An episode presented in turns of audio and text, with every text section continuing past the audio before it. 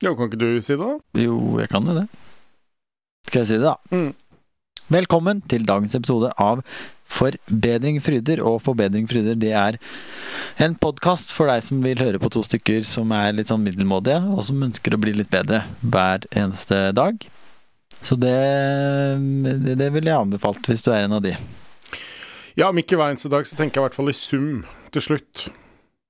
Prøve hver I dag. sum til slutt. Men Ja, vi blir kanskje bedre i sum til slutt, håper vi. Litt bedre. Ja. ja hva enn bedre er for for de, de to som lager Forbedringfryder, Fryder, det er eh, undertegnede Morten og eh, han andre der som heter Daniel? Riktig? Ja, kort og godt. Eh, to menn i 30-årene. Ja. Ja. Det trenger vel ikke introdusere oss så veldig mye mer. De, den faste kjernen kjenner oss uh, etter hvert, tror jeg vi kan si. Ja, det vil jeg tro. Ja. Den, eh, det er en veldig sånn fast gjeng som vi hører er på. Ser vi. Ja. Fra uke til uke. Det er noen som sitter klare, virker det som, når de episodene våre kommer på fredag. Så det er veldig hyggelig. Det er veldig morsomt og fint å liksom se at vi legger den ut, og så går det noen timer, og så er det altså en liten gjeng som har vært inne og hørt på det allerede. Ja. Vi piker på fredag, det er også litt morsomt. Så det er, ja Koselig. Vi sender en hilsen til alle dere. Ja, ja, ja. Sender en hilsen. Det er veldig sånn julete, var det ikke? Du vet at jeg har vært eh, sånn eh, telefonvert på en sånn eh, kristen kanal. Ja, ja, ja. Radio Og da var det veldig Hva det ja, het for noe? Radio Øst. Radio Øst. Telefonvakt. Og da ringte folk inn og sa sånn Jeg vil sende en hilsen til Märtha i Råde. Og han uh, Jensen ute på, på Torsnes i Fredrikstad. Og jeg, den hilsningen vil jeg sende på den låta til han uh, Den der, der hvor roser aldri dør, vet du. ja. Det gikk mye, det. Vinn en tur Så du vil til Judea hilsen til for å møte Ja, ikke, da, det har de. Sånn tur til Judea. Eneste menneskene som kaller det for Judea. Ja. Det har de også. Ja. De har mye rart. Men uh, det er iallfall en hilsen til vår eh, harde kjerne. En spesiell hilsen til deg, på, deg som hører på i Skeihalden-området. Ja. Du vet hvem du er, vi vet hvem du er. ja, nei, men Ja, ja, ja. Eh, Så da har vi jo- vært innom det. Ja, vi har vært innom det. Dette er en praksisepisode eh, som tar opp i seg litt av de tingene vi vanligvis eh, holder på med hele tiden. Litt eh, ting Ja. som vi har vært innom før. Og så skal vi da innom hvordan det har gått når jeg har fått mitt kosthold kidnappet og holdt i eh, forvaring av eh, deg, Morten, og du rett og slett har eh, bestemt ukesmenyen min. Og jeg, vet egentlig min fars også, uten at han helt Ja. har visst det. Men ja. Har han ikke det? Han har vært litt sånn uskyldig offer i det hele. Han har visst det, han visste det litt sånn uti uka, så skjønte han det. Ja, men han, hva, han tenkte bare at du plutselig hadde kommet på masse merkelige oppskrifter og sånn? Ja, jeg tror det, egentlig. At jeg plutselig hadde mye meninger om mat, for det er jo litt opp og ned. At jeg har det. Men Ja. eh, ja, han har vært fornøyd. Men eh, ja, det, det skal vi komme tilbake til. Jeg skal ikke begynne på det nå. Men det er Nei. det vi skal snakke litt om i dag. Så dette er jo episoden hvor vi prøver å ja, se litt hvordan det funker i praksis, da. Disse tingene vi, vi forsøker å gjøre og forbedre oss på, og ideer vi ønsker å følge opp. Ja. Så vi kan jo kanskje si Vi kan begynne. Vi må jo begynne med en, en bekjennelse. Det må vi, Daniel. Ja. Eh, vi kan kanskje begynne med to. Hvis noen var, som noen var, var veldig tidlig ute og hørte siste episode om kosthold, så ville du hørt at eh, jeg spesielt snakket veldig fort eh, på et tidspunkt. Ja, stemmer Eh, det var fordi at du hadde lasta opp episoden med 15 ganger høy hastighet. Ja, eller 15% i hvert fall 15%. akkurat da. Jeg ikke 15 For det er jo sånn at. Det å lage podkast, tar jo en del tid Ja. eh, fra eh, andre ting. Mm. Sånn at når jeg først setter meg ned for å redigere, så for å spare tid, så, så hører jeg gjennom på ofte sånn 30-40 eh, høyere hastighet. Ja. Men akkurat når jeg lasta opp, så hadde jeg visst hørt på 15 høyere hastighet. Og da, det jeg lærte da, da Og vi lærer stadig ting om det å lage podkast, og da lærte jeg det at hvis man eh, på en måte eksporterer da lydfilen eh, fra programmet i 15% så ja, da blir lydfilen i 15 høyere hastighet. Mm. Og det la ikke jeg merke til jeg, før jeg hadde lasta det ut, og det var ute. Derfor så var jeg plutselig Heldigvis litt sånn Filmavisen. så- Vi snakker om podkast, vi snakker om forbedring fridig. Oi, oi, oi, se hvordan den går. Så Ja, ja, ja. det var litt der. Så var det jo en oppmerksom En av disse i harde, den harde kjernen som oppdaga det. Altså du. altså meg. Som satt, i, eh, som satt i vaskehallen med min fars bil og tenkte at snakker jeg virkelig så fort? Eh, ja. Nei Ja. så nå er det ett oppi. Så, Det var én bekjennelse. Hva er den andre, den, eh, den andre bekjennelsen? Ja, det er jo nesten litt godt gjort, men vi lovet jo i siste episode at vi skulle spise smågodt mens vi spilte inn denne episoden, og det har vi begge Ja. glemt. Og det er litt, eh, nesten litt for gærent å glemme smågodt. Det er jo det, og kanskje det er et tegn på at eh, den vanen med å spise litt lite smågodt går så bra at vi bare glemmer hele konseptet smågodt. Ja, vi gjør visst det. Eh, men da tenker jeg at vi skal, vi skal spise smågodt neste gang vi spiller en eh, eh, neste Tøye-episode, som egentlig passer litt med tematikken i den episoden slo med. Ja, det gjør det jo. Eh, Ja, for det er jo litt Bra. sånn Ja, ikke sant? Men det skal vi komme, kan vi si litt om på slutten. Det er jo en, eh, en litt annen greie. Og så oppfordrer vi da alle våre lyttere til å spise smågodt med oss neste fredag. Ja, det blir bra. Ja. Så fint. Hvordan er livet ellers, uten at eh, du leker litt Simba og Løvenes konge med kidsa? Jo, du, det er bra. Det er veldig ålreit. eh, Jeg syns dagene går veldig fort. Ja. Og det blir lysere og lysere for hver morgen som går og sånn, og det liker vi jo. Eh, syns det er veldig ålreit, egentlig. Eh, Ellers så Dette blir jo repetisjon, men eh, det går jo mye salg av leilighet, da. Dvs. Si ikke-salg av leilighet. Den eh, Det er visninger og det er interessenter, men det er eh, lite bud. Så, og det er jo det man trenger for å få solgt. Så Ja, vi er jo i gang med noen ting og tang som involverer bl.a. din far, som, far. eh, Ja. Han skal som er eh, håndverker av yrke og, og skal bistå litt på den fronten. Så det preges en del av det, da. Men ellers så er det- Vi har, det har vært vinterferieuke, så vi har vært på museum, vi har vært på lekeland og Ja. vært mye i byen. Så Så det har vært museum? Stavanger museum. Ja, for det er det oppå det de kaller for Akropolis. Jeg jobba jo der en periode til og med. Ja. Det er sånn historisk museum, ikke sant? Eh, Eller er litt sånn alt mulig museum. Det var litt alt der, Ja, egentlig. det er litt dyr, det var litt Ja. dyr, og det Mm. var litt sånn uh, Stavanger i gamle dager. ja. Veldig artig, egentlig. Ja, fint museum. Uh, og så var det vafler. Ikke minst. Det er veldig koselig, barnemuseum. Nei, det var veldig bra. Det har Ja. vært en del i byen i det hele tatt. Da. Det er ikke så ofte siden vi bor såpass langt unna byen. Så det har Mm. vært egentlig veldig hyggelig. Det har fått oss til å tenke at vi kanskje skal flytte nærmere sentrum når vi først skal flytte også. Så det er mye sånt nå, da. Jeg kan jo si, dette er jo da Nå er vi jo nesten på sånn eh, helt på privaten, men eh, min far drar til leiligheten i morgen for å fikse de tingene. Bare sånn til å være Ja, det, det, han sa det. Ja, Han sa han skulle dit eh, i morgen mandag. Ja, så bra. Så det, nei, det setter vi veldig pris på. vet du. Ja, nei, utenom det, for min del så er det egentlig veldig sånn tusla gåe-stemning. Det er vårstemning. Det er ikke så veldig mye spennende sånn ekstraordinært som skjer. Det prøver å bruke litt tid på å liksom finne litt ro og slappe litt av. Nyte at det er litt vår. Det er jo fortsatt veldig mye smitte overalt hele tiden, så det er jo begrensa hva man har lov til, og hva man føler at det er lurt. Så man eh, har liksom ikke så mye få gjort heller, men eh, det er sånn sett så er det deilig å slappe av. Så ja, gå tur og alt det der. Og det er veldig Ja, jeg setter veldig pris på at det har blitt, eh, blitt lys, da. Og i dag så kom eh, naboen innom med kake.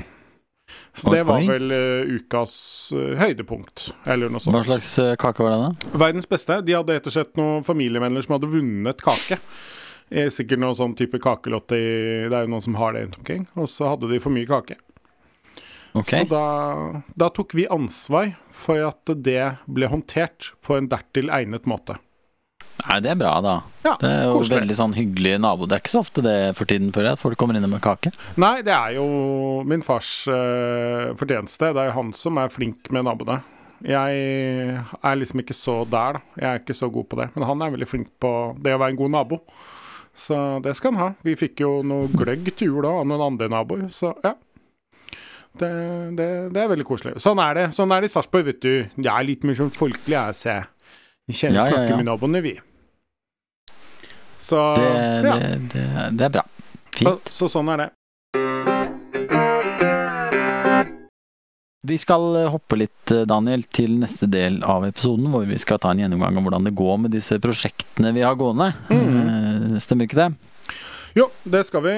Ehm, Ja, hvordan går, det, hvordan går det med smått og stort? Du kan jo kanskje begynne litt. Du har jo hatt, eller vi har jo begge, eh, et joggeprosjekt.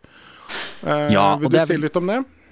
Ja, jeg ville tenke at det til og med er hovedprosjektet eh, av Ja. mange sånne Vi har jo gjennom eh, podkasten så langt hatt mange sånne små vaner, ikke sant. Mm. Så kom vi for noen uker tilbake i gang med at nei, nå skal det jogges. Mm. Ehm, så når det gjelder alle andre prosjekter, så har jeg egentlig tenkt at det ruller og går sånn som det skal, det meste av det, som er verdt å nevne, at det er joggingen som er liksom primærfokuset. Ehm, og jeg satte meg jo et mål at jeg skulle jobbe fi, jogge fire ganger i uka, altså annenhver uke og sånn, fordi at det har jeg hatt god erfaring med før. Eller den gangen var det hver dag, da, men Ja. det at det ikke skal være rom for forhandling og alt dette her. Du var jo litt uenig i det. Jeg ville tenke at jeg burde legge lista lavere. Jeg gønna Ja. på. Men jeg eh, ser jo at jeg får det ikke til. Eh, Jeg får ikke til de fire gangene i uka. Mm. Jeg har klart to ganger nå. Eh, og det har jo vært sånn en stund. Jeg har jo ennå ikke fått til fire ganger i uka. Og Men er det, kan jeg spørre, er det to ganger og i flere uker, på en måte? Altså sånn For Ja. det er jo noen uker siden sist vi Ja, hadde en vi- ja, ja. oppsummering. Mm. Siden vi begynte med dette, liksom. Ja, Jeg har aldri fått til fire. Tror jeg var oppe på tre den første uka, men eh, etter det så har det vært med to. To, ja. Og det betyr at jeg tror istedenfor å beholde det der målet om fire, så tror jeg at jeg må høre litt på deg og heller justere ned. Ikke bare deg tenker at jeg skal høre på, men uh, det her er jo uh, Vi har jo tidligere snakka om boka 'Atomic Habits' av James Clear. Som etter hvert regnes som liksom uh, den boka man skal gå til hvis man Mm. skal etablere vaner og den slags. Og da har jeg på en måte gjort også det motsatte av det han var opptatt av. Dette, når det gjelder det å begynne på et lavt nivå, da. Ja. Sånn at jeg har egentlig tenkt at jeg må hente fram han igjen. Mm. Eh, og ikke at jeg, jeg tenker ikke at jeg liksom har Du kan godt si at jeg har mislyktes, men jeg, jeg, jeg var vel klar over, og vi er vel klar over at på en måte en, en jobbing med å inn, få på plass en sånn vane, da, det er ikke noe som bare er gjort på noen uker. så jeg tenker at vi, jeg skal fortsette å jobbe og utprøve.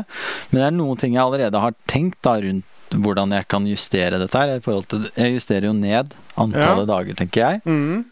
Eh, Men noe av det som har vært utfordringen, er egentlig det å finne tid til det. Og det kan man si nei, det er bare en unnskyldning. Men det er Og det er det kanskje, men det er sånn i, i et sånt familieliv, da, Mm. som jeg eh, holder på med, så er det ganske mange ting som skal gjøres i løpet av en dag. Eh, Og det er liksom Man skal leke Simba, man skal lage mat, man skal, Man skal ja, lage mat, være skifte Simba bleier. Skar og Ja. Ja, og det er et lite Altså det er et visst relativt lite antall timer man har i uka til liksom på en måte litt sånn egen tid, da. Og Ja. jeg er jo en type som har ganske mange ting jeg liker å holde på med, eller som skal gjøres og dilles med. Mm. Og i den debatten, på en måte, interne debatten hos meg, da, hva er det jeg skal bruke de få timene jeg kan disponere helt for meg sjøl, eh, så har liksom andre ting måttet kanskje blitt prioritert litt, og så er jeg Ja. Det har liksom bare blitt sånn. Det jeg har tenkt på, da, som jo jeg har nevnt før, at jeg har lyktes en gang før med å jogge fast over lengre tid. Og det var fordi at jeg jogga halv seks på morgenen. Og det er det jeg egentlig har landa på nå. At jeg, jeg tror jeg må tilbake dit, fordi at eh, jeg tenker på det som eh, Jeg har notert her liksom det som sånn svart jogging. Altså det er under bordet-timer. Altså det vil være da tid som går utenom regnskapet i familien. Hvis de andre uansett sover, så stjeler jeg til meg litt tid eh, mens de andre sover. Så det er da sånn eh, Dobbel bokføring av timer. Jeg skjønner jo poenget. Du betaler ikke den sosiale avgiften med forventninger man har ellers i hverdagen. Ja, det er nettopp det. Ja. Så jeg tror, altså det, Da lyktes jeg, og da fikk jeg det til. Og det innebærer også en sånn rutine på kvelden som er litt fin. Som Ja. jeg husker tilbake den gangen. Det der å Legge litt sånn fram. rituelle opplegget rundt det å sette fram ting i system Mm. på kvelden. Spil, for da spiller du deg sjøl litt sånn opp også. Du, du vet liksom sånn underbevisst når du våkner at nei, nå er det det som skjer. Og du liksom Mm. du lurer deg sjøl nesten ut døra før du har våkna, på en måte. Og idet du våkner, så har du allerede jogga 200 meter ned i gata. Så jeg husker jeg hadde veldig sånn glede egentlig av den jogginga.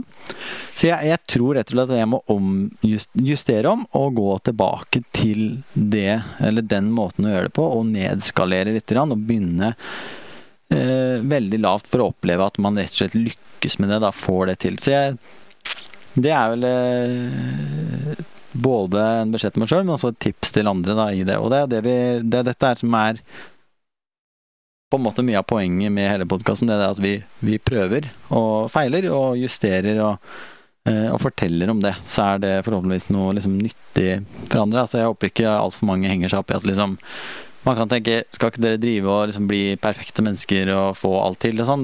Da tenker jeg de hører på feil podkast, for vi er jo nettopp ikke det. Og det gjelder gå på å erfare og snakke om det og se om vi finner bedre løsninger, da. Ja, så det er vel eh, en litt sånn lang eh, gjennomgang av, av, hvordan dette her går for min del. Da. For kan jeg, kan jeg da komme med et eh, såkalt etoisk spørsmål? Hvis du går tilbake det... til type november og desember, da.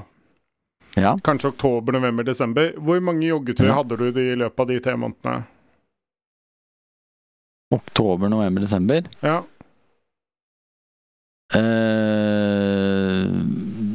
En Sånn cirka?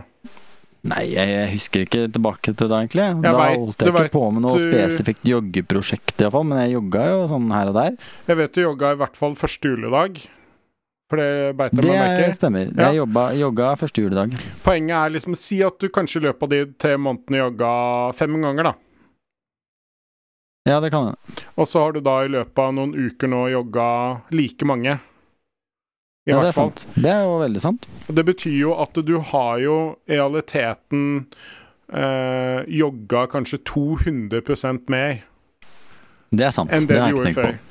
Og det er det som er viktig. For opptatt av.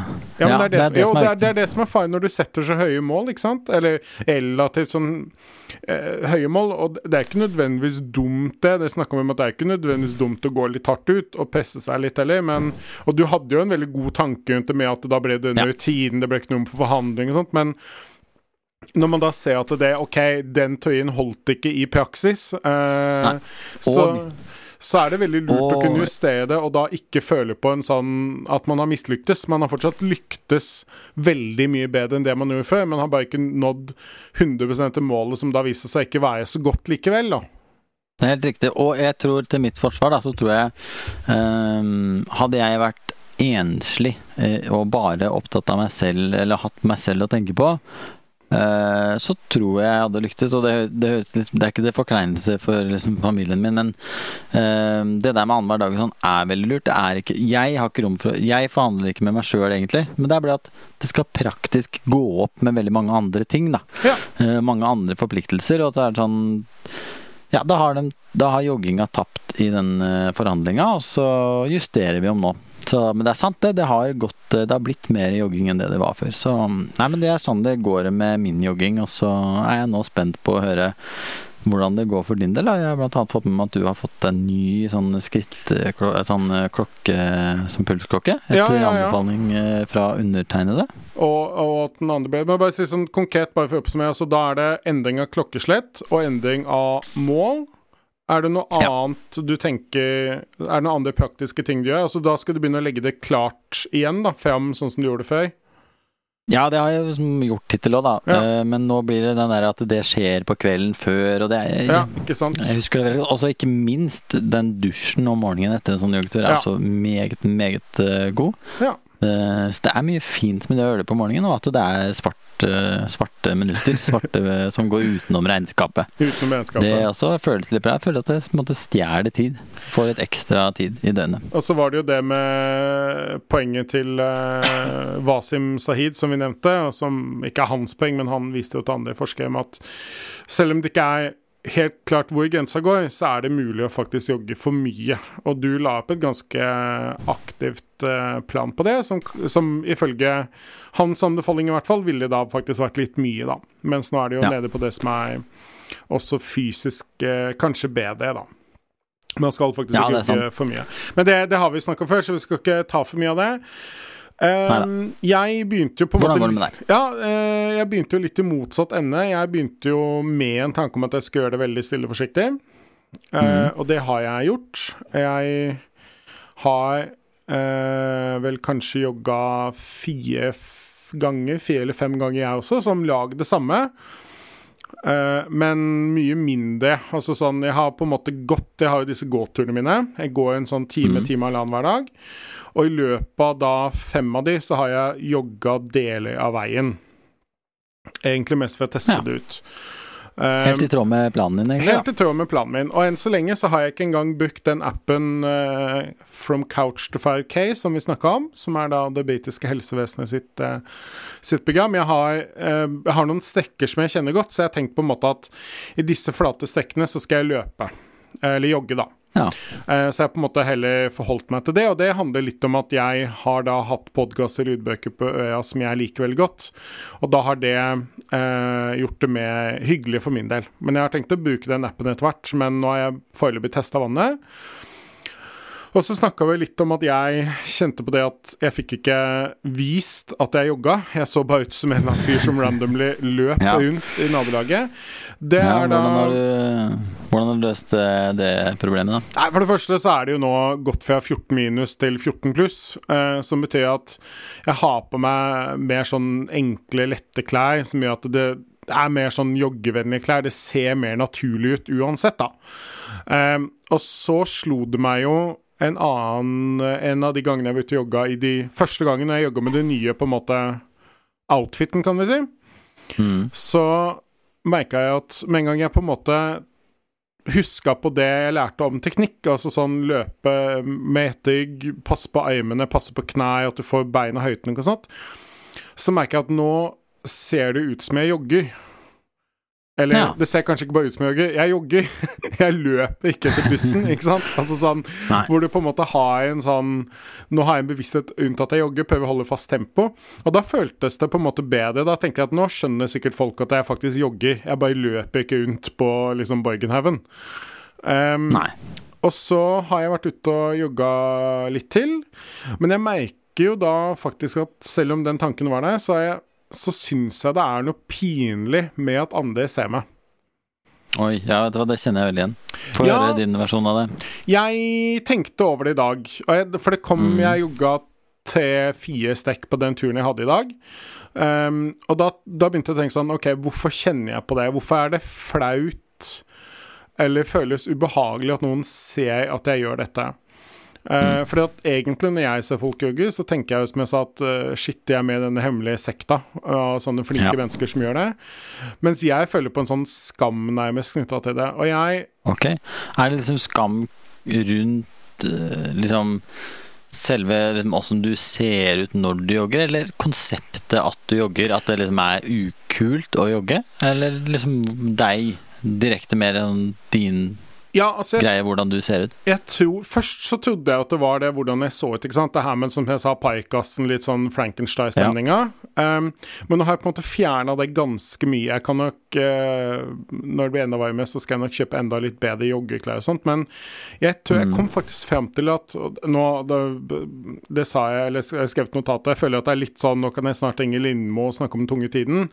Men jeg tror det handler om Uh, og Det er fælt å på en måte skylde på skolevesenet, men jeg tror det handler litt om gymtimene. Fordi at jeg okay. husker på en måte I gymmen ikke sant, så var det jo en del løping innimellom, og jeg var jo alltid han uh, halvfeite bakerst. Uh, som ikke lyktes mm. med det, og ikke likte det, og ikke og på en måte oppnådde resultater. Fikk aldri noe eller jeg fikk sikkert positiv tilbakemelding fra leiren, fordi de passer på å gjøre sånt, men jeg la liksom ikke merke til det. Jeg la bare merke til at på en måte de andre var veldig mye bedre. Så jeg tror det er mye ja. av den sånn skammen rundt det å være han, han som mislykkes i offentligheten. For det gjør man jo i mm. gymmen på en annen måte. Så Hvis du har dårlig matte, så sitter du på en måte kanskje bare så ser ned i en bok, og så trenger ikke alle få vite at du har dårlig matte. Men i gymmen Nei, så blir det, det veldig synlig. Ja. Alle ser at du sliter, og jeg gjør i ansiktet, og har løpt 60-meteren på tre ganger så lang tid. Mm. Um, og jeg tror det er den følelsen som kommer litt tilbake, at jeg er litt tilbake i gymtimen og mislykkes i klassen. Ja. Det var tror jeg. Liksom, var det noe som du bare drev og fortalte deg sjøl, eller ble det fortalt til andre også? Fikk du liksom høre det, eller?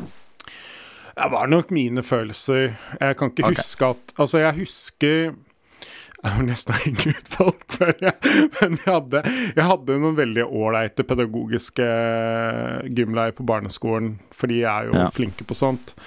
Um, men jeg fikk nok ikke så mye skryt, for det var kanskje ikke så veldig mye å skryte av. Og jeg husker særlig på videregående så var det veldig åpenbart at, at den gymleiren hadde to som vedkommende syntes var veldig flinke. Og vi Ja. andre, vi var litt sånn jask. Eh, ja. Eh, og det husker jeg vi snakka om den gangen også. Det var nok litt delt. Det var en gymleir med en litt eh, spesiell historie som gjorde at vedkommende nok var mye mer konkurranseetta enn det som er vanlig i norsk skole, da. Eh, Ok. og det var veldig Ja. tydelig, på en måte. Men- Så ja, det ligger nok litt der. Men jeg tror det er litt der, da, så det må jeg jobbe litt med. Ja, det skjønner. Vi hadde sånn Jeg tror den karakteren fordeler seg, eller skulle iallfall den gangen jeg gikk på skolen, fordele seg også at innsatsfaktor var også en del av det. Eh, og jeg var også ganske sånn elendig på det meste som har med gym å gjøre. Eh, men jeg fikk jo alltid god score på sånn innsats, og det var liksom en del av det. Jeg valgte alltid å gi jernet likevel. Så Ja, det var aldri, jeg skjønner, kjenner veldig godt igjen det der med liksom Jeg skal i Ja, rettferdighetens navn si at jeg mest- tror ikke den innsatsdelen var veldig høy heller hos meg, altså. Det var nok Nei, ganske labert jevnt over på den gymtimen. Det var Jeg syns bare jeg, synes jo, jeg, er jo helt, jeg har alltid vært uenig. Jeg tror jeg skrev leserinnlegg også når jeg gikk på videregående, at jeg syns ikke gym burde være et fag man har kar- karakter i. At det skal ha, oss, ha noe å si for framtiden din på noe som helst måte. Jeg syns det er helt absurd at ikke det bare er godkjent og ikke godkjent, Ja. Bestått, ikke bestått. For det har altså ingenting å si hvor god du er til å slå et sånn baggerslag i voll volleyball. At det skal ha en påvirkning, og så er det liksom ja, Nei, jeg syns det er helt uh, dust. Det burde vært uh, mye mer gym, og det burde vært mye gøyere gym, og det burde vært uh, liksom godkjent, ikke godkjent, møtt opp, på en måte. Men det var Ja, noen, det var en annen diskusjon. Men jeg kjenner veldig igjen mm. Jeg også har jo det er litt issues knytta til det joggegreiene. mm. Um, jeg har særlig ett et issue som jeg syns er veldig vanskelig med å komme forbi. Og det, veldig, det handler konkret om det å komme forbi, fordi at jeg klarer ikke jogge forbi folk. Nei. Stopper det på gård, da? Ja, og jeg har mange forskjellige måter å løse det på. Ja. Eh, Eller jeg vet ikke helt, jeg løser det ikke alltid heller, men jeg har store problemer med å jogge forbi folk. Ok. Eh, nettopp eh, Eller litt, litt sånn som du sier det, at jeg liker ikke å bli sett. Og jeg skjønner at man blir sett når man er ute og jogger, men akkurat når man jogger forbi folk, så er man så utrolig sånn Det å ha noens øyne i nakken, det liker jeg dårlig. Så jeg får rett og slett eh, Ja, man Ja, gjør mye og ut av seg, på en måte. Uh, Ja, man vis. kommer liksom forbi, og ja det er, Puste eh, og pese og vifte med armer og bein. Altså, ja. Det er liksom Man ja, gjør litt får ut av seg. Jeg får sånn bakken forsvinner under beina-følelse. Mm. Når, når jeg oppdager at noen går foran meg, eller jogger foran meg, litt, eller et eller annet sånt, så får det ja. Eh, Det er også noe av grunnen til at jeg digger å løpe halv seks om morgenen. Fordi at det, det er jo minimalt med folk ute da. Ja, Eh, altså- Det samme når noen kommer gående imot. Det også er en case, men det er ofte litt lettere, for det går litt fortere over. Men det der å jogge forbi folk, det, er, det løses på mye rart. Altså. Eller jeg får, ja Altså for å sånn si det sånn, eh, men, hvis uh, De eneste som ser deg løpe halv seks om morgenen der hvor dere bor nå, er vel eh, noen munker som går igjen, tror jeg. det er vel ganske ja, det stille og rolig. det er noen klosteransatte av noen sauer. Nei, så det, det er sant, det. Men det er Ja, jeg kjenner Jeg har, ja. Det, Ja, nei, det er rart det der, altså. Hvorfor vi liksom akkurat Hvorfor det Det er jo tydelig at det det er bryter med noen sosiale sånn- forventninger da som vi ikke helt uh, syns er behagelige, tydeligvis. Nei, Uh, nei det, det, det er spotlight-syndrom, eller hva Mm. det kalles. Altså, den tanken om at liksom, hvis du går inn i en kafé og mister koppen din i gulvet, så vil alle se på deg. Eller du ja. tenker liksom at alle følger med på deg. Sånn. Selvfølgelig så gjør ikke alle det, men det ligger der likevel. Da. Så får man uh, Ja, det, det, er- det er vil liksom nødig bruke veldig sånn dramatiske ord om det, men det, det er ikke noe hyggelig følelse når bakken forsvinner under beina. Sånn, det er en veldig ubehagelig greie, så jeg um, Mm. pleier å bremse opp litt. Uh, og så må jeg som ofte jobbe med Ja, jeg jobber meg liksom i gang til at jeg uh, Veldig ofte ender jeg bare opp med å beine forbi de. sånn Å ja. veldig raskt. Komme Blir ferdig med det, ut av situasjonen, liksom. Ja, jeg må jobbe. Det er jo, Folk lurer litt av og til da, når, når det kommer et menneske joggende bakfra som plutselig, som plutselig går. Og sånn, Hva er det du Ja, driver med nå? Og så begynner jeg å fikle med mobilen. Ja. Fordi det skaper en viss sånn trygghet. At nei, nei, nei, jeg, det er bare at jeg måtte sjekke noe på mobilen. Liksom. Det er ikke det at jeg har fullstendig panikk. Uh, så det, ja. Men jeg kjenner Ja, igjen. nå, så det var det, litt artig at du nevnte det. det slo meg faktisk ikke at det Ja, for det er klart Nå det, det er litt morsomt, for at jeg jogga forbi en fyr i dag, men han kom imot meg. Og jeg la merke Mm. til da at jeg syntes det var behagelig. Men du tenker Ja. jo så klart på For det har ikke jeg Det har ikke Å, ja. slått meg ennå at så klart det er enda verre når det er andre veien, ja. Ja, når du, kan, du skal Mm. passere noen fordi de jogger litt saktere enn deg. deg bakfra, De vil jo da, hvis liksom. du går og kjeder Ja, så altså du går og er kjeder deg, ikke sant, og, Mm. og så går du, og så kommer det noen joggende forbi, og da du, Ja, ja, du liksom slenger iallfall blikket og tenker at ja, ja, der jogger han av gårde, liksom. Mm. Uh, og det er bare det som er nok. Da. Jeg syns det det er fryktelig vanskelig å passere folk på den Mm. måten. Jeg synes Det er ikke så ille når de kommer imot, men som du sier, da, når, man eh, må forbi, um, det syns jeg ja, Da stopper da, da hører de. Det, det skjedde faktisk hjemme i Sarp. Det var når jeg var hjemme i forbindelse med din mor og det, i høst. Mm. Så skulle jeg jogge en i lysløypa der. Og da kommer jeg liksom nedover en sånn lang, slak bakke, og så ser jeg da langt foran der, er det et menneske. Ja. Og begynner å styre og fælt uh, internt. Mye diskusjoner. Hva gjør vi nå? Hvordan skal vi Ja. løse dette? Og så hører vedkommende at jeg kommer joggende, ja. og da bare Ok, det her går ikke, så jeg må bare begynne å gå og ta ut mobilen, og vedkommende snur seg og ser liksom Ok, dette for en creepy dude som Ja. kommer liksom joggende Nei, da, og da ja, til slutt så bare beiner jeg på da, løper med alt jeg har. Um, så veldig mange som Ja, jeg jogger forbi, de tror jo at jeg er en fyr som liksom spurter rundt i lysløypa. ja. Fordi jeg kommer liksom forbi de i veldig høy hastighet. Men var det i det. Men- Hæ? Var det i lysløypa, eller var det ute i Ja, det var i Nei, i lysløypa i Sarp. Ja, for der er du veldig innafor å jogge. Altså, sånn, det er jo der folk Ja, det har ingenting med Det har jogger, ingenting liksom. med, det har ingenting med at jeg jogger. Det Nei, handler om at jeg blir sett, Sett. på. Det samme Ja. som uh, å være Hvis du går inn i en sånn stappfull buss mm. uh, Jævlig mye mennesker liksom som mm. står sånn tett i tett i tett, og så er jo han ene som da kommer på må altså, Nei, jeg eh, Det finnes sikkert noen eh, sånne bokstavkombinasjoner som beskriver denne utfordringen, men eh, ja, det er krevende. Det var veldig morsomt at du kom inn på det, at du, du også syns det er på en måte Det er sikkert to forskjellige ting, men eh, det er eh, Kanskje vi må finne, Man- noen, eh, finne noen smarte mennesker som har ment og sagt noe om dette, som kunne hjulpet oss over den kneika, da, som vi tydeligvis begge to har med det. Ja, det, det, det En kan det eller være. annen eh, amerikaner som har skrevet boka 'How Not to Worry About Being Seen When Jogging'. Føler jeg er litt sånn obskur eh, ja. lege eller podkaster som vi Faktisk følger med James på. Altucher som har lagd en egen pod om det. For han lager pod Ja. Ja, nei, men du, Nei, men det er, eh, Hvis noen der ute har noen svar og noen tips, så tar vi gjerne Ja, en telefonkonferanse. absolutt. Og interessant at på en måte det vi syns er vanskeligst med det, er faktisk ikke den selve fysiske biten. Jeg merka det i dag, for i dag tok jeg litt mer på enn jeg har gjort tidligere. Og jeg jogga Mm. lenger, så jeg merka i dag at jeg var mer fysisk sliten, og det er ubehagelig. Som er veldig sånn ulogisk. Det er jo så rart at kroppen liksom har gjort det sånn at noe vi egentlig som egentlig er bra for oss, i hvert fall ikke til mengde, føles ubehagelig, da. Så der er det jo bare kroppen er litt ulogisk, egentlig. Selv om, ja. Jeg kan ikke gå inn i det, men det er bare litt interessant. Men det er også interessant at ingen av oss syns at det er problemet. Det er mye dette unt som vi, som vi sliter mest med, da, tydeligvis. I hvert fall enn så lenge. Så, så det er jo er interessant. Og som du sa, du kom inn på det. Jeg har jo da Den gamle smartklokka mi gikk i stykker. Den ga opp. Eh, gikk opp i liminga. Så jeg var i går og kjøpte meg en Fitbit. Kult. Etter anbefaling av deg, og ja, det er ikke som at det er veldig kanskje eh, radikalt Mm. valg. Eh, kanskje snarere tvert imot, men det er jo i hvert fall ny Fitbit, og den eh, er jo kjempefin. Jeg er veldig fornøyd med den. Jeg liker veldig godt disse sonene. Det er jo sånn sone 1 og 2 og 3 og 4, tror jeg, eller noe sånt. Eh, så i, i dag så løper jeg mer, da. I går løp jeg ikke, da gikk jeg bare turen min, for da snakka jeg med noen og sånn. Eh, og så i dag løp jeg på en måte tok litt med, og da ser jeg jo at jeg har vært i sone 2 og T, 1, 2 og T.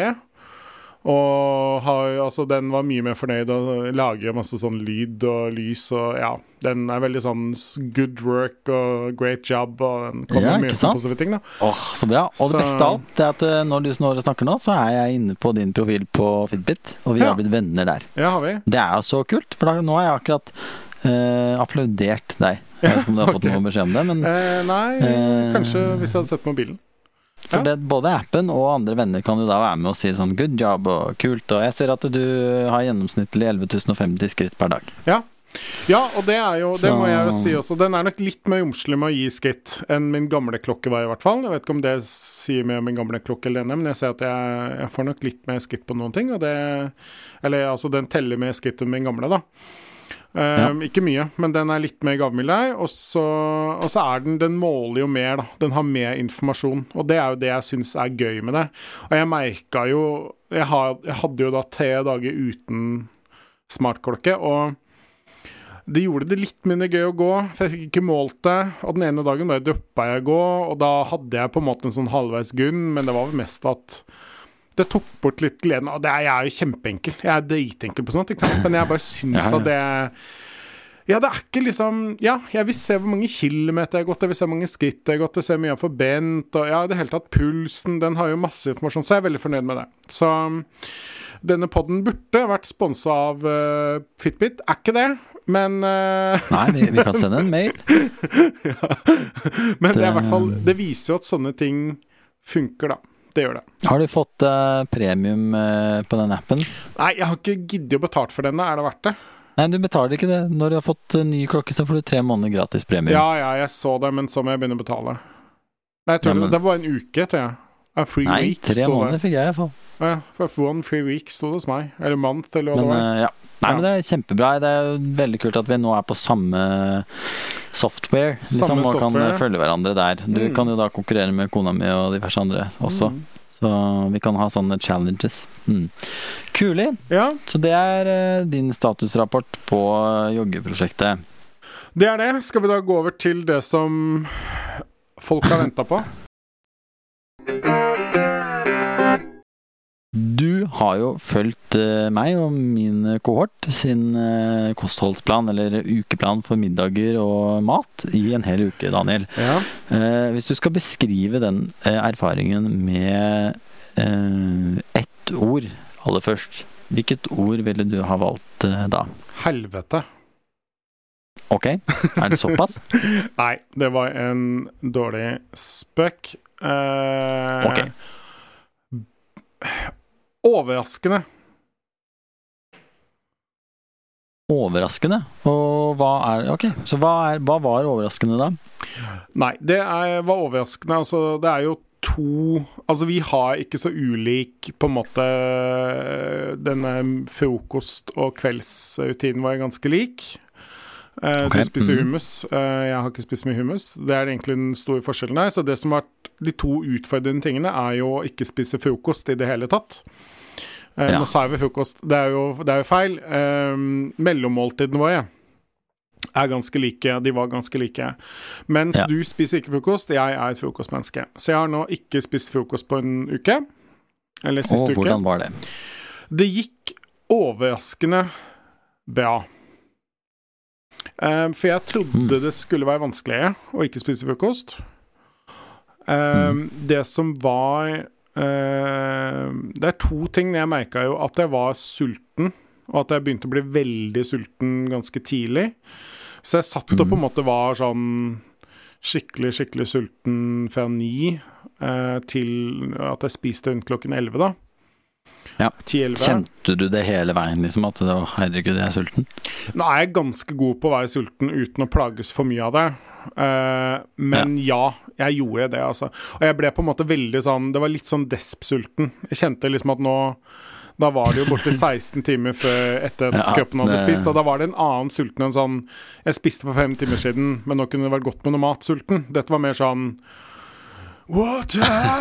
Det var litt mer sånn kavle gjennom ørkenen, eh, sulten, liksom. Var det litt sånn der, han derre Castaway-fyren? Ja, Wilson, ja. Det var litt mer deg, liksom. Eh, Ja, men drakk du vann og, ja og da, sånt? masse da? vann og kaffe. Eh, Mm. Eller masse Jo, jeg drakk sikkert mer enn vanlig for å på en måte stilne den verste sulten. Eh, så var det en dag hvor jeg visste at jeg hadde et Teams-møte som basically begynte klokka ni og slutta klokka seks på kvelden. Ja. Uh, den dagen spiste jeg frokost og visste at jeg, jeg får ikke spist. liksom, jeg har ikke noe tidspunkt jeg får spist før dagen er nesten over igjen. Og det var sånne Teams-møter hvor jeg ikke kunne sitte og gnafle på noe. Det hadde sett veldig feil ut. Okay. Så akkurat Ja. den dagen tenkte jeg vet du hva, jeg kan ikke sitte i dette møtet og være liksom Men kan Tom du ikke skru av lyd og video? Nei, det var ikke et sånt møte. Så, um, og vi har litt sånn kultur på det hos oss, da. Vi har på lyd og video, vi. I hvert fall video. Oh, ja. Så nei da, men uh, poenget er i hvert fall så en dag måtte jeg stå over det. Da gikk det ikke. Men uh, utenom det så, så gikk det overraskende bra, da. Fordi at selv om jeg er veldig sulten, så merka jeg ikke så mye på det. Um, men det kan jo godt hende at andre merka det på meg. Det, det Ja. hadde ikke overraska meg. Og ligger det ikke i kortet at vi skal egentlig finne ut litt om det i forbindelse med denne episoden? Jo, kan ikke du ta og ringe opp min eh, kollega Kristina og sjekke hvordan jeg har oppført meg? Da har jeg lyst til å spørre deg, Kristina. Hvordan har det egentlig vært å være i nærheten av Daniel den uka hvor han bl.a. ikke har spist eh, frokost? Jeg syns Daniel har vært ganske vanlig. Han har vært sånn som seg selv. Ikke noe moody eller hangry som eh, vi kanskje var redd for at han skulle bli. Så bra. Det, det er fint. Så det, og det er ikke da det at han alltid er litt sånn moody og hangry? Han, han har bare vært uh, nei. Så han har vært hyggelig alltid. Ganske god. Ganske god. Ganske hyggelig. God på bånd. Ja. God på bånd, ja. Ja, men det er, det er veldig bra. Mm. Yes. Daniel, neste, Har du- neste runde. Mm. Ja, nei, har du merket noe på jobbprestasjonene, syns du? Uh, nei, jeg, sy jeg syns du har altså, Det er jo ikke noe hemmelighet at vi jobber mye, vi. Jeg syns ikke det har vært noe, noe slacking eller uh, noe sånne ting som det. Uh, kanskje Mm. litt spising i monitor. Ja, for Du sa du merka at jeg hadde spist med lunsj, eller med fast, faste tider og sånn. Absolutt. Jeg har lagt merke til at du har vært veldig flink til å ta deg lunsj til faste tider, og at du um, Altså, du, du gleder deg litt til lunsj, virker det som. Så sannheten er vel egentlig at jeg har spist mens vi har jobba, i mye større grad enn det jeg har gjort før. For at Jeg har ikke orka egentlig å vente helt til lunsj. Jeg har på en måte bare begynt å spise litt når klokka har vært eh, nok til at jeg har hatt lov til det. Eh, ja, Så det har vært litt endring, da.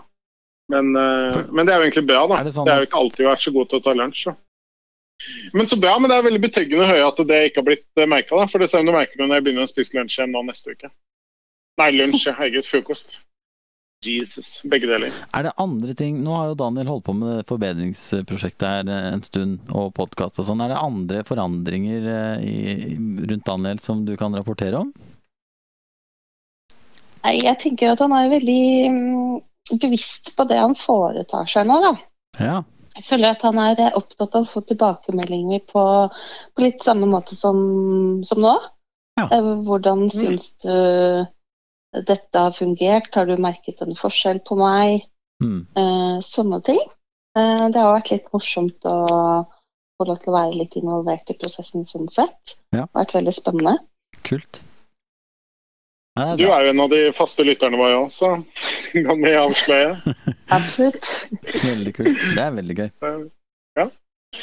Nei, men kult. Da vet jeg i hvert fall det at eh, jeg heldigvis ikke har vært noen sånn uh, forferdelig kollega. da. Som har bare vært hangry og fan. Det var jo godt å høre. Da hadde jeg vel kanskje fått vite det, mistenker jeg. Eh, men eh, ja, det er i hvert fall godt å få det bekrefta. Det er det. Okay. Snakkes vi i morgen, da. Da snakkes vi i morgen. Ha det. Ha det.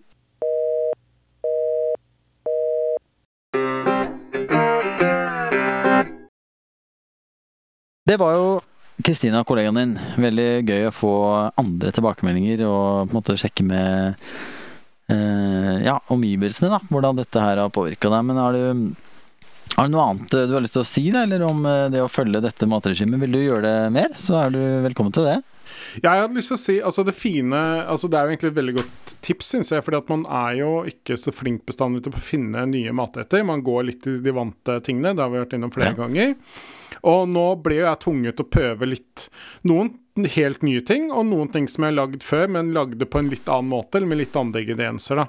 Og det var Mm. veldig kult, faktisk. Jeg har jo mm, Ja, så jeg har tatt, tatt og funnet frem tre favoritter, da Mm. av det jeg har eh, laget.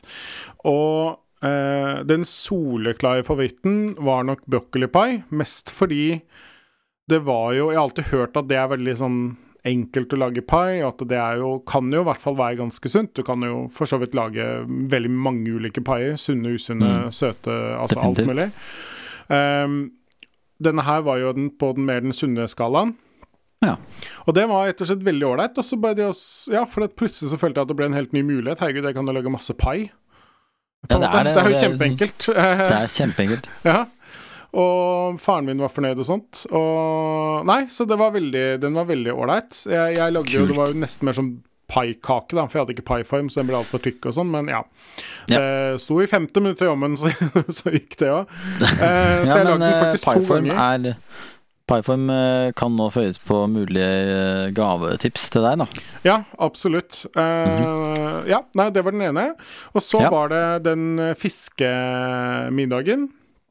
Den Det var bare litt Vi har jo en del fisk, men vi har nok lagd mer sånn med avansert fisk. Dette var en litt enkle variant.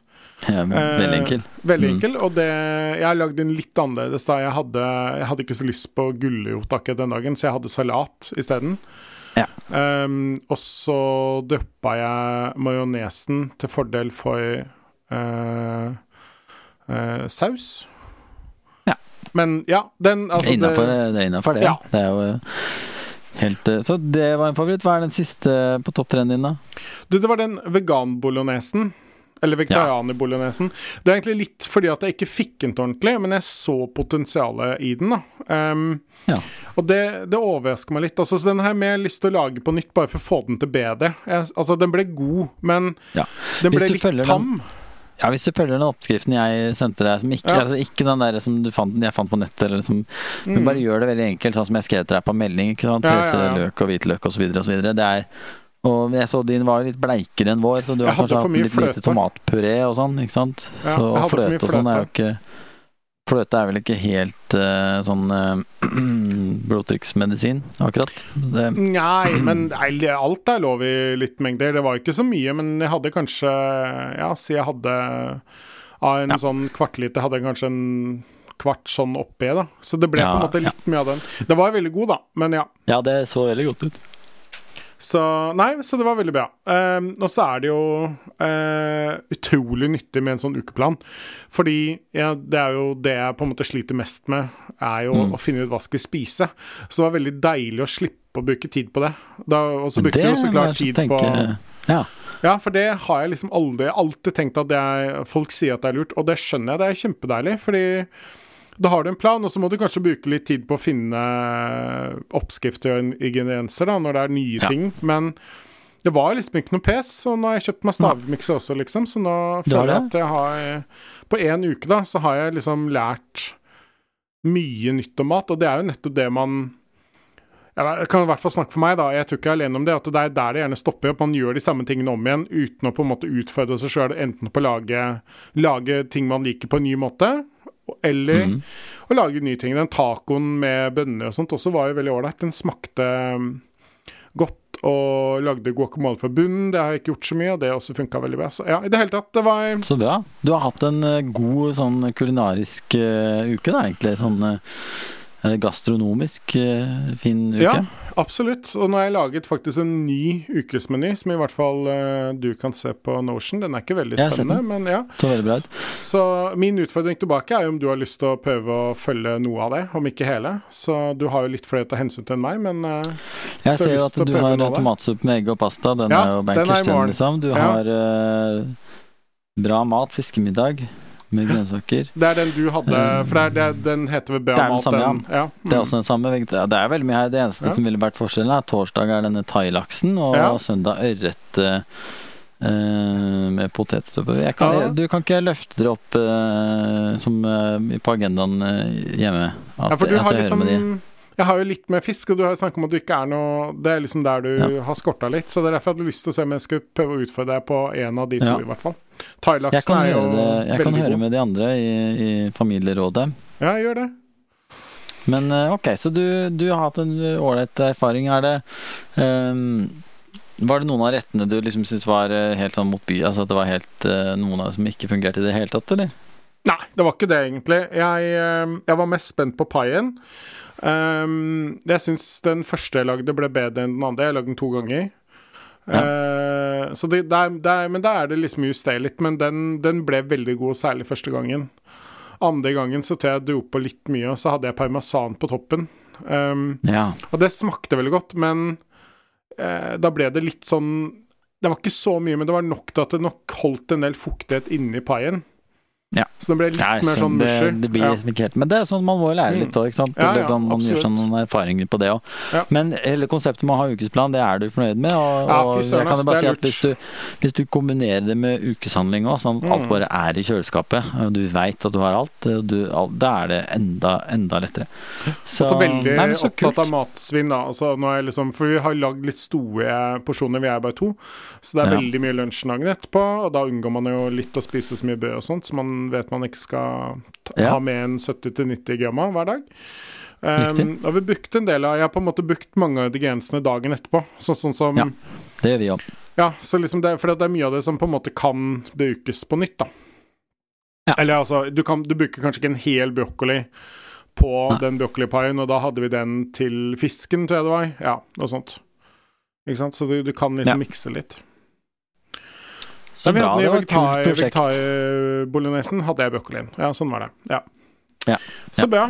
Um, så hvis jeg skal prøve å oppsummere litt sånn kort, da, så tenker jeg at ehm, jogginga Det kan komme noen skjulte kostnader, som jeg kalte det, eh, som man ikke vet om, og da må man rett og slett bare justere etter det. Ehm, Ja. Og, Justere både det og liksom hvor mye og hvor ofte, og vurdere etter hvordan man får det til, tenker jeg. Absolutt. Og så er det det med gadget. Altså, noen av oss er enkle. Jeg lar meg styre Eller jeg blir veldig gira på det, sånn som den nye Fitbiten. Og så ukesplan til slutt. Det er på mat. Eh, er en kjempeidé. I hvert fall for meg. Og er det en fantastisk eh, bra ting. Så veldig fan av Så kult. Og det er gøy at du har videreført dette allerede neste Mm, uke. Så. jeg har det. Nå skal jeg også lage den, eh, den ordentlige hummusen for den kjøpte jeg meg stavmikser. Stilig. Jeg er spent på å høre hvordan det også går. Ja. Vi skal over på eh, en av de det som da har blitt en fast spalte i eh, de praksisepisodene. Mm, Eh, En annen ting som har blitt fast med det, er at jeg finner på en ny jingle til hver gang. ja. Den skal jeg selvsagt lage i ettertid av dette, men jeg har allerede komponert den. ja. og gitt meg en preview. Jeg har gitt deg en live preview på telefonen. Eh, Så det blir spennende. Da tenker jeg at vi kjører rett på jeg, med Klassens time. Han rir på sin hest langt der borte i vest. Han er på vei på vei til klassens time. Han vil prate om noko, han vil fortelle Ja det noko som han er uppteken av Ved klassens timme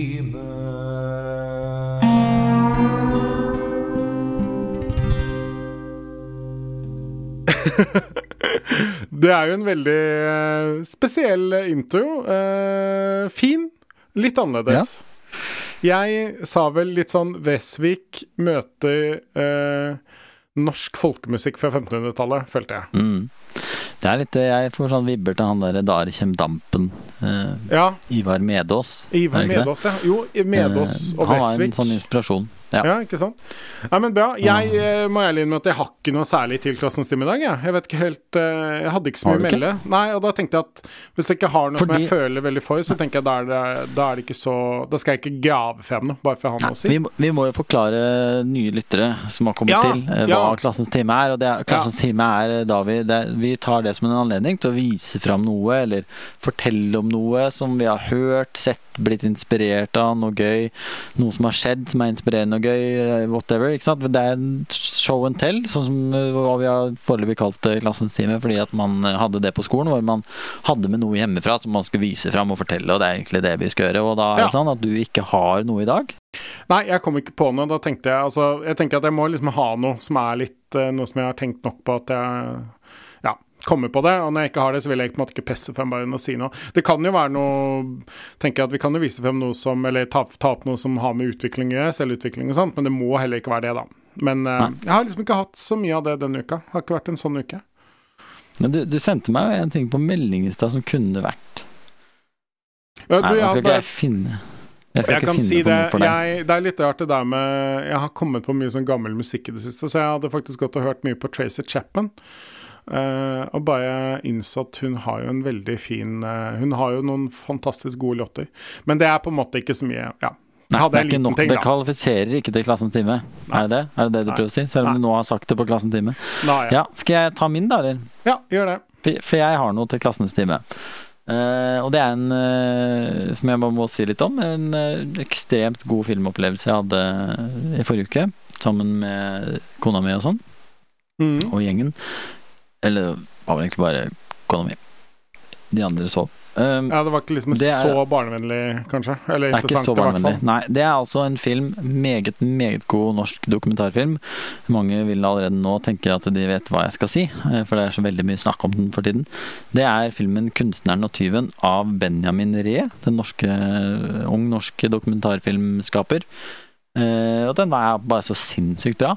Det handler om Jeg skal prøve å fortelle det uten å spoile for mye, men eh, det handler rett og slett om en, eh, en kunstner som bor i Oslo, som, ble, som hadde en utstilling. Og mens utstillingen var, så var det noen som brøt seg inn og henta ut to malerier og stjal de. Eh, og det handler litt om at hun finner ut hvem først den ene tyven er, og innleder en, et vennskap med han. Og vi Mm. følger på en måte den utviklingen av det vennskapet gjennom tykt og tynt i flere år.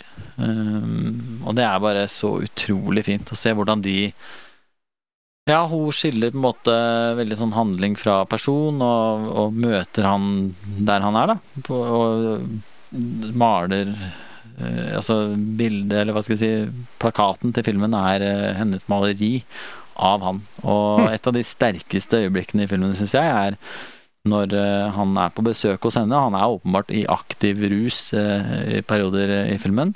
Han kommer til henne veldig sånn sliten og nedbrutt. Jeg tror det er første gangen han kommer til atelieret, veldig sånn skeptisk til henne og sånn. Og så plutselig så Nei, det kan ikke være det kan ikke være første gang, men tidlig i relasjonen da, så viser hun et maleri hun har malt et portrett av han. Og han er et veldig sterkt øyeblikk når han Ja, han blir bare helt satt ut, tror jeg, av opplevelsen av å bli sett på den måten der. Det virker som at han kanskje er en type som ikke har blitt sett på, av noen skikkelig. Kanskje Mm. noen gang. Eh, men da er det altså en kunstner som har sett så nøye på han at hun har klart å lage et veldig flott portrett av han. Eh, ja, det var bare, ja, bare en sånn slags anbefaling, egentlig. Som bare var Ja. helt uh, vilt bra film. Og så er det også litt interessant, syns jeg. Det får meg til å tenke litt Um, en, altså, Han som har laga filmen, er eh, 31 år gammel.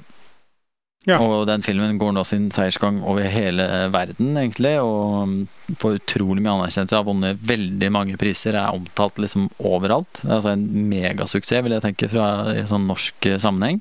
Mm. Uh, og det er inspirerende, syns jeg, å se sånn som han, da, som eh, får til noe sånt. Han er Mm. like gammel som uh, meg, omtrent. Og som liksom har eh, Jeg leste et, eh, et intervju med han hvor eh, han forteller at han har laga filmer siden han var elleve år, liksom. Og det, Ja, ikke sant.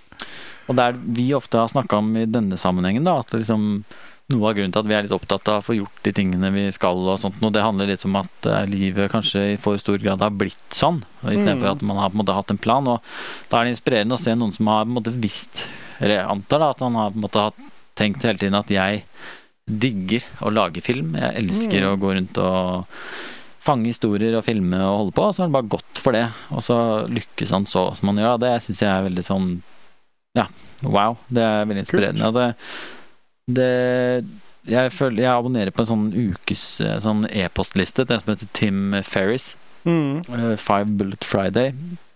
Hvor han anbefaler noe hver uke. Det er mange ting som har inspirert, og ting han har hørt og sett. Og litt à la det vi holder på med her, egentlig.